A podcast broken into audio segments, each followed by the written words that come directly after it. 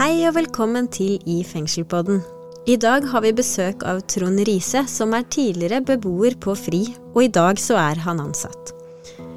Han har selv erfaring også med det å ha barn mens han har sonet, og skal fortelle oss litt om hvordan det har vært, og hvordan forholdet til barnet har vært opp igjennom, og hvordan det er i dag. Velkommen til deg, Trond. Takk, takk. Jeg lurer litt på, Trond, om du kan fortelle litt om deg selv og din bakgrunn? Ja, meg selv Når jeg skal tenke liksom tilbake i tid, så har jo jeg eh, vært kriminell og rusmisbruker og alt det som har vært innenfor det. Eh, så har jeg på en måte forandra livet og fått meg en utdannelse og jobber i FRI og ja, gjort noe med livet mitt, da. Så historien min er jo en ekskriminell eh, som har rusmisbruk og også fått barn i rusmisbruk, da. Så hun eldste dattera mi er jo eh, adoptert bort. Og så har jeg fått en datter etterpå da, som ikke har opplevd meg som rusmisbruker. Så det er jo to liv, da, på en måte, som jeg har opplevd nå. ja. To forskjellige måter å være forelder på. Ja. ja. Hvor gammel eh, var barnet ditt? Nei, hun ble adoptert Eller hun ble fostertatt eh, fra oss allerede som nyfødt barn. Ja. Så hun ble født med abstinenser og, og ble trappa ned på ting og tang eh, fem uker for tidlig født. Så det var liksom litt spesielt, men samtidig visste jo at hun skulle bli tatt fra oss. Vi hadde allerede kontakta barnevernet før dette her og prøvd å bli rusfri, men vi klarte ikke. Nei, Men dere selv hadde tatt kontakt med barnevernet? Ja. Og, ja. Så vi, vi, visste jo at ikke vi kom til å få oppleve og før vi ble rusfri, at vi kunne ta henne, da. Men uh, det blei jo sånn at du fikk et veldig godt hjem, og, og etter hvert som vi rusa oss videre, så, så adopterte den familien henne, da. Mm. Med en avtale at jeg, kunne, jeg, og mor kunne ha kontakt med dattera vår hvis hun ville, resten av livet, da. Og det har vi jo hatt. Eller i hvert fall jeg, da. Ja, du har hatt det både før mens du var i rus, og også nå i ettertid. Ja, de har jo også vært og besøkt meg i fengsler og, og, sånne ting også. De har jo besøkt meg i Drammen kretsfengsel. Eh, jeg har vært på permisjon fra Ringerike kretsfengsel til dem på bursdager. Jeg har vært, hun har vært på Bastø og besøkt meg der. Så dattera mi har liksom visst om meg hele tida fra hun var liten at eh, pappa og mamma har et problem, da og at, de, at hun er adoptert, uh, fosterhjem og adoptert. Ja. Hun har visst det hele livet, men uh, har dere valgt selv, har du eh, valgt bevisst da, å være åpen med, med datteren din om De fosterforeldrene var såpass åpne og villige til å, å være åpne, dem òg. Sånn at vi har liksom hatt en avtale på at det er ikke noe Vi, vi kjører heller ærlig mot mot henne, sånn at hun vet uh, hvorfor hun er borte fra oss. da. Mm. Og at vi Men det var jo egentlig bare noe som vi snudde om, da, for jeg trodde aldri jeg kom til å snu om, og at uh, jeg kom til å bli rusfri, men så blei jeg jo det når jeg blei uh, Skulle bli pappa for andre gang, da. Ja. Og da tok jeg en snuoperasjon, og da var jeg siste dommen min var i 2005. Da dro jeg sona den, og så gikk jeg alt av medisiner og Subotex og Metadon og alt, så, og vi ville bli rusfri, da. Og det var jo Kirkens Bymisjon som hjalp meg med den gangen. Så jeg jobba jo i vaktmestertjenesten og sånne ting, og de fulgte meg opp ganske godt under soning, da. Så da gikk jeg direkte til Bastø, og fra Bastø til Sandaker hybelhus, og fra Sandaker hybelhus til fri, frigang hjemme. Mm. Og da var jo hun, eh, hun mor gravid med yngstedattera mi, da. Ja. Da hadde jeg bestemt meg at nå skal jeg bli rusfri på grunn av at jeg fikk ikke en sjanse til, da. Så ikke skulle jeg oppleve det samme. Selv om dattera mi, som eldstedattera mi, har jo sagt til meg at, eh, at jeg har egentlig gjort alt det riktige av at jeg ga fra meg henne, og hun fikk opp, vokse opp i et godt hjem, og jeg har jo vært i livet hennes for det. Men jeg har jo hatt dårlig samvittighet hele veien på grunn av at jeg ikke har eh, oppdratt henne sjøl. Ja. Men samtidig så er jeg veldig glad for at hun har fått en trygg og god oppvekst, da. Ja, for jeg tenker du har jo gitt henne egentlig noe veldig fint. Altså du har jo vært bevisst på at det, har vært, at det ikke har vært sunt for henne å leve sammen med deg når dere har tatt det valget? Ja, det var vi enige om. Og, og fosterforeldre og dem som har adopterforeldre nå, dem, dem er jeg bare evig takknemlig for at de har gjort den jobben de har gjort. Og tatt vare på dattera mi. Og hun har, jeg er blitt bestefar til to, og hun har jo blitt en kjempefin jente. og. Hun er 25 år og liksom Ja. Men øh, hvordan har det vært for deg å få, ha de samtalene med datteren din, da, som forteller etterpå at hun er takknemlig for at du har tatt det valget? Og, Litt vanskelig, for jeg spør jo Flere ganger jeg har spurt henne Du må bare si til meg en dag hvis du har lyst til å snakke med meg og ta meg for noe, eller sant, så sier hun alltid 'Pappa, du trenger ikke å tenke på det, du har gjort alt det riktige'. På grunn av at du ga fra meg Du, du valgte at jeg skulle få et godt liv med noen andre. Og dem hun har fått Bodøs, de har jo vært, helt enestående. Så, så jeg er veldig takknemlig for dem, da. Men det var vanskelig da jeg satt i fengsel sånn, og, og sånn å sitte og, og liksom vite at jeg hadde en datter der ute som ikke jeg på en måte eh, var der for, da. Men i fengsel så prater vi veldig mye om, om barn og sånne ting, men eh, vi skal liksom være litt tøffe og sånn òg, samtidig. Men det, det er veldig, veldig mange som sitter der ute i fengsel som faktisk prater om barna sine, da. Og bryr seg om dem når de sitter inne. ja. Men de vet ikke helt åssen de skal eh, gjøre det godt igjen. Nei, det å reparere og jobbe med det når man kommer ut igjen, at det, at det er vanskelig. Eh, men selv om hun bodde i fosterhjem, så har du Du sier jo du har hatt kontakt både under soning og under rusen og i etterkant. Men hva, hva har vært viktig for deg når eh, du har hatt kontakt med henne, da? Eh, sånn i ettertid og når du har blitt rusfri og sånn, hvordan har du på en måte Altså, så nå så har vi jo kjempebra kontakt, og vi var på bryllupet mitt, og jeg liksom har en veldig Jeg er på en måte en del av livet hennes, da. På en måte med barnebarn, og besøker dem, og de besøker meg, og, og sånne ting, da. Og eldstedattera mi, yngstedattera mi, har jo ikke opplevd noe av dette her i hele tatt, så hun Men henne også har jeg vært veldig ærlig på historia mi, da. Ja, så hun kjenner til Hun kjenner til alt om meg, sånn at jeg har liksom ikke eh, holdt noe skjult. For at jeg er veldig opptatt av det at mitt navn er jo kjent, veldig kjent i, eh, i hvert fall på 90-2000-tallet og sånne ting. Sånn at hvis hun skal plutselig dukke opp med noen andre foreldre eller noen andre som hører navnet mitt, da, så veit hun at pappa har faktisk gjort noe med livet sitt, og han er Ja. Han eh, er ikke sånn lenger, liksom. mm, Og sammen med datter, yngstedattera mi, og hun er veldig sånn opptatt Ja, pappa, kan ikke du fortelle liksom hva du dreier med? Og liksom, liksom, jeg forteller jo ikke alle historiene, men hun, hun syns det er litt spennende, da. Ja. Så, hun, så jeg må passe på hva jeg sier og ikke sier, for at eh, det er på en måte Man må kanskje legge lokk på noe, da. ja, at du må veie opp hva det er hun har Godt av å høre. Ja. Du sa jo også at du, har, at du er veldig takknemlig for fosterforeldrene. Eh, hvordan har det samarbeidet vært under, mens du har vært eh, i rus og kriminalitet?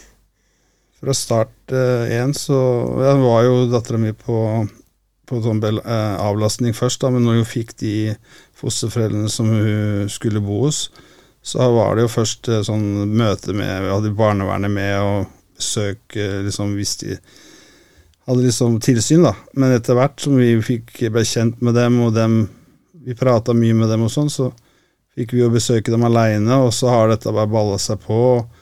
Og egentlig så har jeg bare blitt tatt inn som en sånn liten sånn familiemedlem, da. I den familien.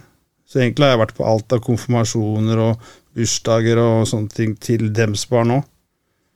Og liksom eh, Dem har vært på bryllupet vårt. Dem har vært på våres, Vi har vært på 50-årslag til, eh, til eh, foreldrene til dattera mi og sånne ting. Så jeg har hatt, det har vært veldig sånn stort. De har alltid tatt meg velkommen imot, da. Så der har jeg bare vært heldig. For jeg hører jo mange andre som snakker om fosterforeldre og barn som vokser opp hos dem, og det er jo liksom ikke alltid en solskinnshistorie, men her er det faktisk en solskinnshistorie av at det har vært så godt samarbeid, da. Jeg tenker at da er jo datteren din veldig heldig som eh, har hatt så mange voksne som bryr seg om henne, da. Eh, selv om eh, du og sikkert eh, mange kunne tenkt og ønske seg at situasjonen var annerledes den gangen hun ble født. Men sånn som situasjonen var, så, så tenker jeg jo at hun har fått mye god støtte rundt, da. Når dere har klart å samarbeide. Mm. Høres det ut som. Ja. Ja. Jeg er helt enig det. Det er, det er veldig utrolig, egentlig, hele greia. Sånn åssen vi har samarbeida hele veien, da. Som nå som vi er voksne, sånn, så er det ikke sånn at vi, har, at vi har veldig mye samarbeid sånn som vi hadde før. Men før så har det liksom vært alltid.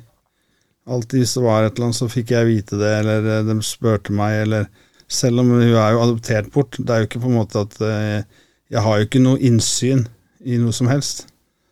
Men hun har faktisk inkludert meg i mye, da. Mm.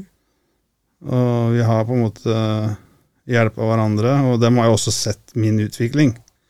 Ja. Så at da på en måte vet de jo også at de er tryggere, sånn sett. Når det gjelder yngstedattera mi og han som jeg er stepappa til, som er jo på en måte De har jo ikke opplevd meg på den måten, men de, de også veit alt om meg, da. Mm. Og det, vi har jo vokst opp på fjell, og mange på fjell kjenner meg fra den tiden. Og da er det bedre at jeg forteller dem ja, pappa har vært litt gal, og pappa har vært litt uh, voldelig og kriminell og Men sånn var jeg da, sånn er jeg ikke nå. Mm. Og så ser de jo også at jeg ikke er sånn. Etter at du ble rusfri, eh, hva er det du har gleda deg mest over i relasjonen med, med datteren din? Hva er det du setter mest pris på? Nei, Alle barna mine så setter jeg pris på at jeg får lov å være sammen med dem, og at jeg får lov å være rusfri, og at de gir meg, de gir meg jo glede i hverdagen. Mm. Selv om det er masse, masse, masse stress med det òg. Men, men jeg ville ikke vært foruten. På grunn av at eh, jeg har på en måte vært på begge sider, og jeg har på en måte hoppa av toget på 90-tallet og begynte igjen i 2005. Og jeg mista så mye tid, så jeg kan ikke miste mer tid, så jeg må bare prøve å, å på en måte være der for dem så godt jeg kan, da. Mm. Men jeg jobber også veldig mye, sånn at jeg, den lille tida jeg har, har jeg, prøver jeg å ha med dem, da. Og Ja. familien min. Der eh, jobb kan fort spise litt, Ja. litt tid for oss. Ja. Mm. Det er jo min nye avhengighet, det er jobb, men, eh, men som sagt, eh, det må til òg. Ja.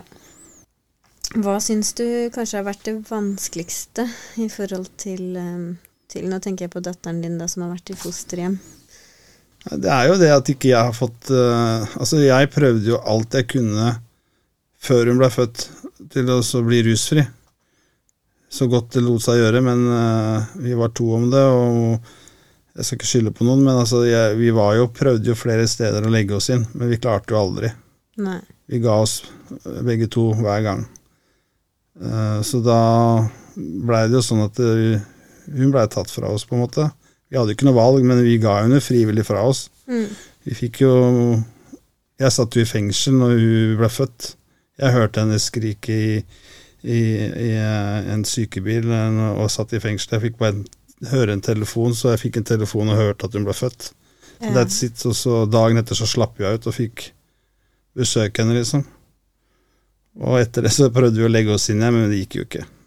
Så, så det å ikke få være stille oppe med for henne fra hun var liten til i dag, det er jo dårlig. Vi har jo dårlig samvittighet for det.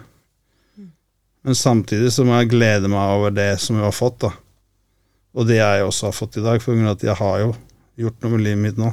Jeg kan liksom ikke Hvis jeg skal gå og tenke tilbake alt jeg skulle gjort annerledes, da hadde jeg blitt dårlig av det. Og det så jeg må bare tenke positivt. Ja.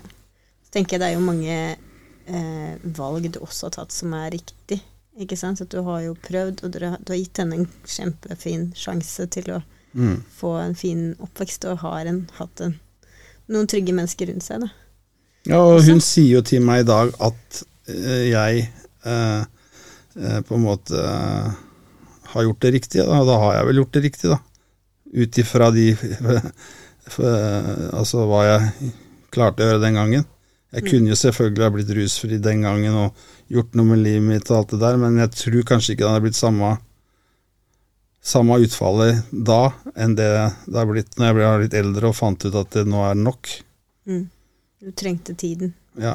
Jeg tror jeg måtte gå ned i kjelleren ganske dypt før jeg hadde klart å gi meg, da.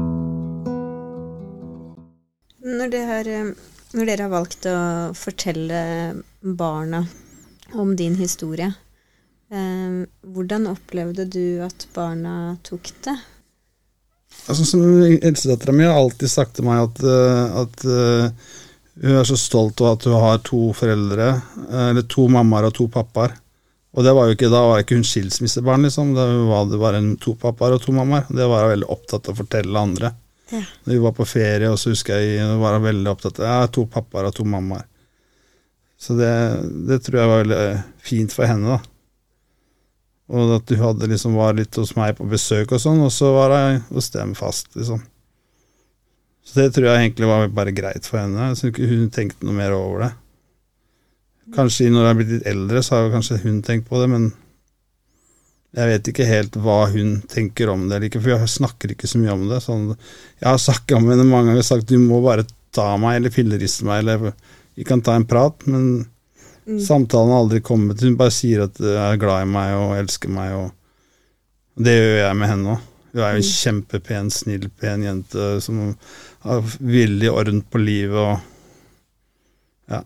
Så jeg er bare kjempestolt av henne, og det er jeg alle barna mine. Den gangen du, eh, du sa du måtte ordentlig ned i kjelleren for å bli rusfri. Eh, hva slags fokus måtte du liksom ha for å klare å jobbe med å bli rusfri og komme deg dit du er i dag? Som, jeg har jo fått en del skader da, på, på rusmisbruk, og det, jeg har jo på en måte fått uh, en hjertesvikt og blodpropper og liksom forskjellig, sånn at, uh, og det jeg ga meg jo ikke for det. Men når den siste sjansen var der, når på en måte jeg skulle bli pappa på nytt, da, mm. og jeg var allerede inne i Kirkens Bymisjon, jeg hadde vært uh, Eh, med på denne egenutviklingsskolen og sånne ting, og jeg hadde vært liksom Jeg hadde et greit nettverk rundt meg. Jeg gikk inn i noen grupper som også hjalp meg ganske mye, sånn at eh, jeg skulle inn og sone den siste dommen på 18 måneder. Så jeg skulle egentlig møte opp på Ringerike kretsfengsel. Så, så tenkte jeg hvis jeg kommer dit, så må jeg gå helt tilbake til, til der jeg var før, på lukka anstalt. Uh, sette på meg masker og sånne ting. Så da tenkte jeg jeg må bare snakke med Kriminalomsorg i frihet, og så får Kirkens begynt å hjelpe meg til å kanskje få møte opp på et annet sted. Så jeg fikk møte opp på Bastø. Og så sona den dommen der, og da begynte jeg å lage en plan for meg sjøl. Å gå ned medisiner eh, av sånne ting, da. Og så blei det jo sånn at eh, jeg fant ut at eh, jeg skulle bli pappa på nytt og sånn underveis der, da. Ja. Og da tenkte jeg nå, nå er det ikke noe vei tilbake. Nå må jeg på en måte rette opp armene og gjøre noe med livet. Mm. Da hadde jeg jo allerede Kirkens Bymisjon i ryggen mm. under soninga mi. Så, det har vært viktig for deg å ha, å ha godt nok støtteapparat rundt deg? Jeg har aldri hatt det før. Sånn, jeg, har hatt litt, men ikke sånn som jeg hadde da. Så da på en måte Det var en snuoperasjon, og da gjorde jeg jobben mens jeg satt inne. og var med på ATV, jeg var med på rus i fengsel, jeg var med på mange forskjellige ting da, som, mm. Eh, som var, liksom, gjorde litt bra for meg. Jeg fikk uh, sånn utgang at jeg kunne jobbe i Kirkens Bymisjon mens jeg var på Bastø. Jeg fikk gå på noe som heter ja, noen møter eh, to ganger i uka på andre sida av øya. Så jeg, ta, så jeg fikk liksom mye frigang. da. Jeg fikk mye tillit, og det, det hadde jeg aldri hatt før. Jeg har bare sittet på lokka anstalt og ikke fått noen permisjoner og sånne ting pga. jeg rusa meg og sånn.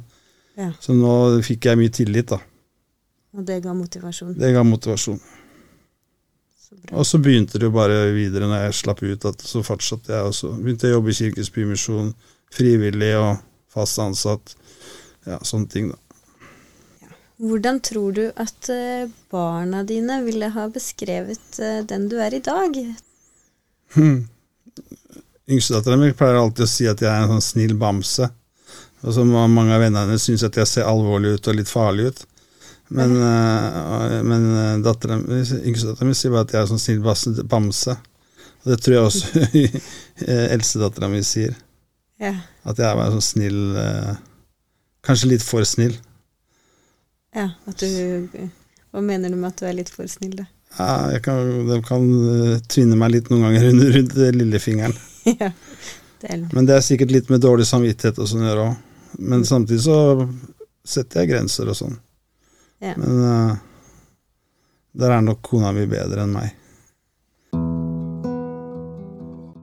Da må vi begynne å runde av for i dag, Trond. Men det var veldig eh, fint at du kunne komme hit, og det var spennende å høre historien din. Eh, og så tenker jeg at du har tre heldige barn som har en pappa som er veldig glad i dem. Takk, takk.